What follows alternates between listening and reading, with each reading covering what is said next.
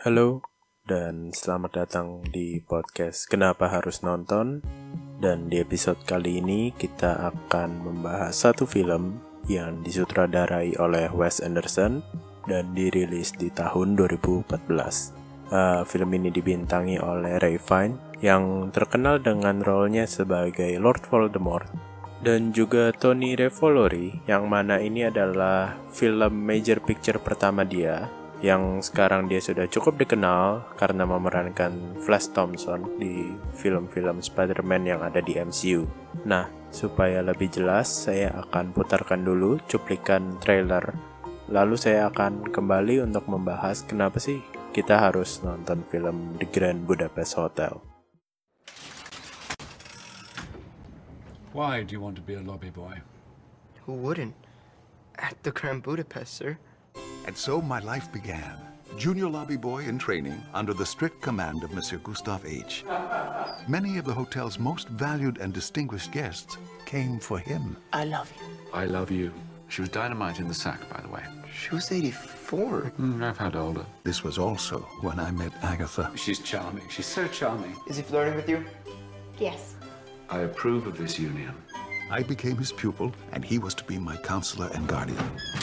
The police are here. Tell them I'll be right down. She's been murdered, and you think I did it. Hey! Stop!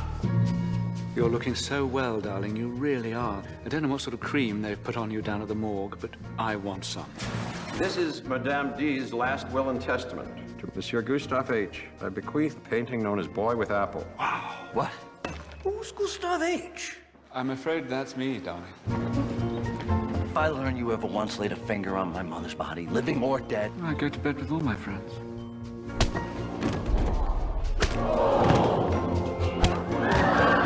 We need to make a plan for your survival. Hide this. It's in code and you might need a magnifying glass to read it, but it tells you exactly where and how to find Boy with Apple. I'm a baker. I'm not a fence, if that's the term.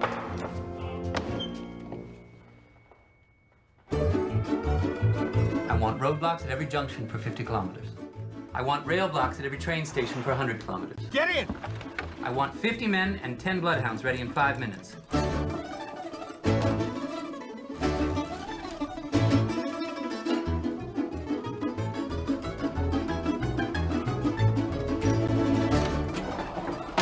You can't arrest him simply because he's a bloody immigrant.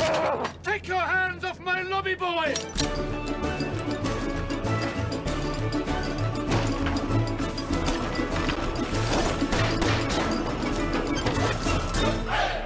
Have you ever been questioned by the authorities? Yes, on one occasion. What- what- what? I was arrested and tortured by the rebel militia after the desert uprising. Right. Well, you know the drill then. Zip it.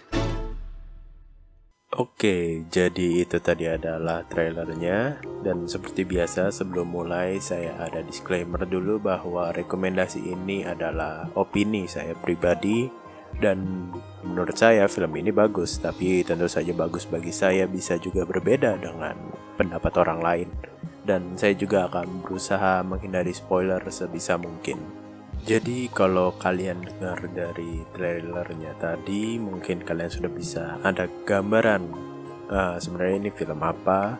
Eh, jadi genrenya film ini adalah film komedi dengan sedikit unsur crime di plotnya yang sangat amat quirky dan dia temponya pun filmnya sangat upbeat, sangat cepat dan sangat colorful. Dan kalau dari trailernya sendiri mungkin kalian bisa dengar suara-suara yang kalian kenal selain dari Ray Fiennes dan juga Tony Revolori uh, film ini juga dibintangi oleh Saoirse Ronan yang mungkin kalian kenal dari actingnya di film Lady Bird atau ketika dia juga jadi model di salah satu lagunya Ed Sheeran.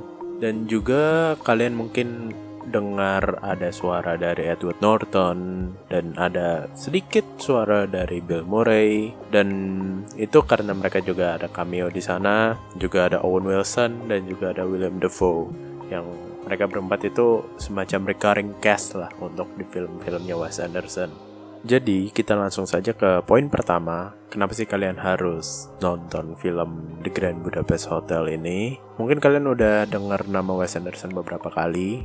eh, saya sebutin di awal-awal tadi. Yaitu jadi alasan pertamanya karena ini adalah filmnya Wes Anderson dan Wes Anderson sendiri adalah seorang acclaimed director yang udah sangat terkenal di Amerika dan bukan di Amerika saja udah di seluruh dunia.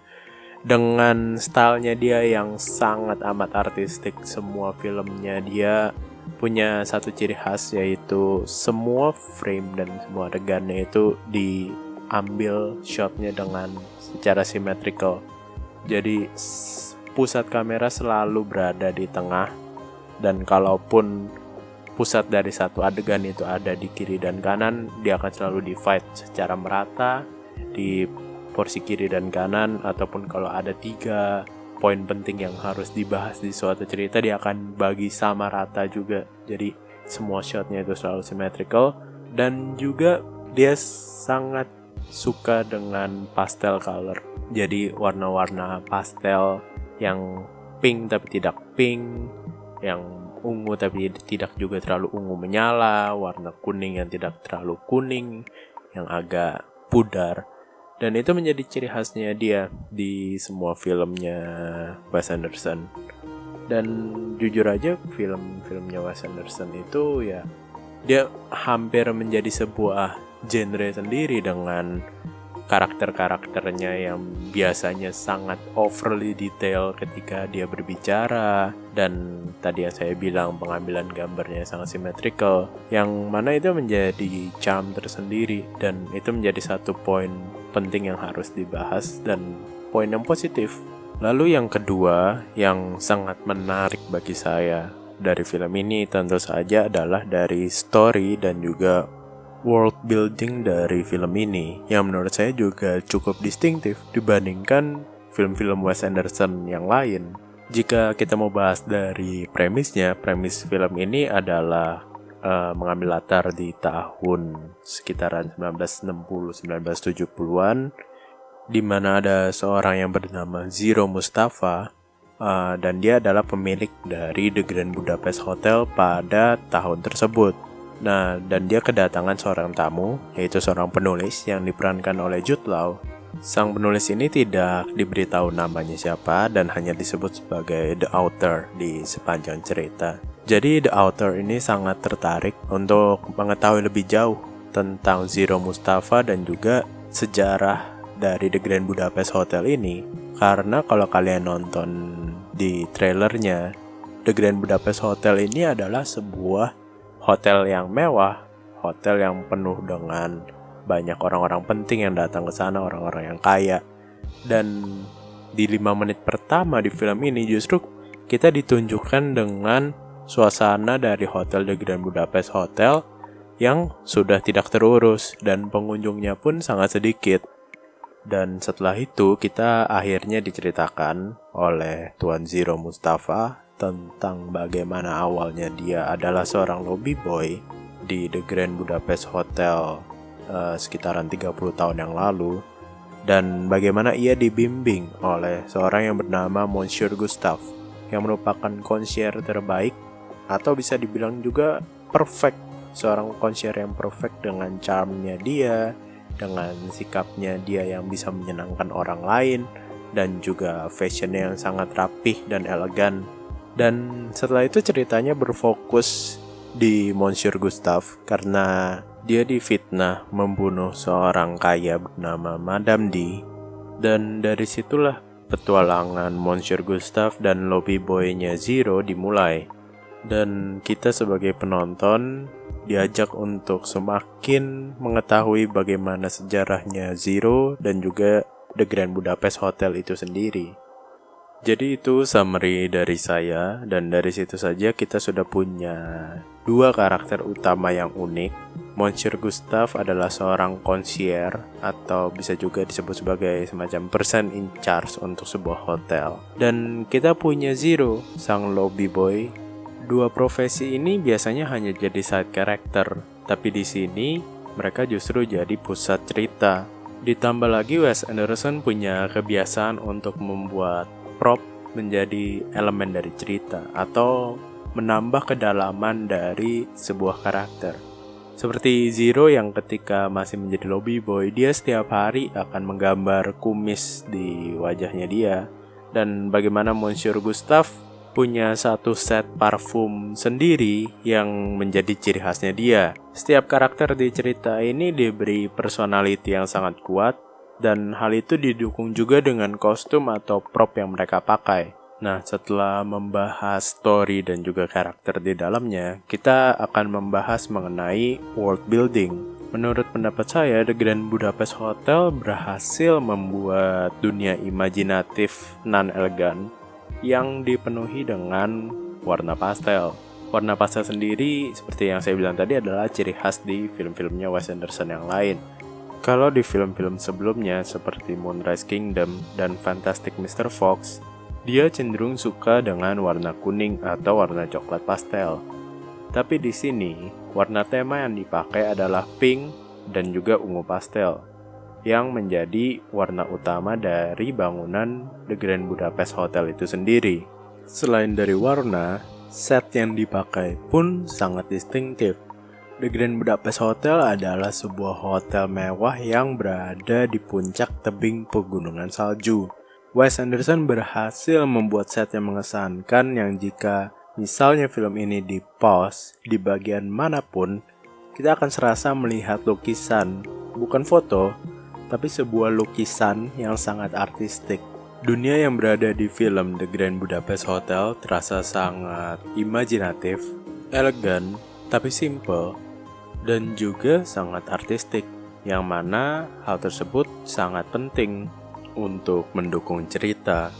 Lalu untuk poin ketiga, dan juga poin terakhir di episode kali ini, saya mau membahas hal personal yang menurut saya menjadi faktor X dari film ini yaitu film ini sangat visually appealing, sangat memanjakan mata bahkan untuk standar film Wes Anderson. Kalau saya harus merekomend satu film sebagai perkenalan seseorang ke film-filmnya Wes Anderson, saya pasti akan mengajukan rekomendasi ke film ini. Alasannya ya karena film ini punya semua trademarknya film Wes Anderson, tapi di film ini Wes Anderson berhasil membuat adegan-adegan yang sangat visually appealing.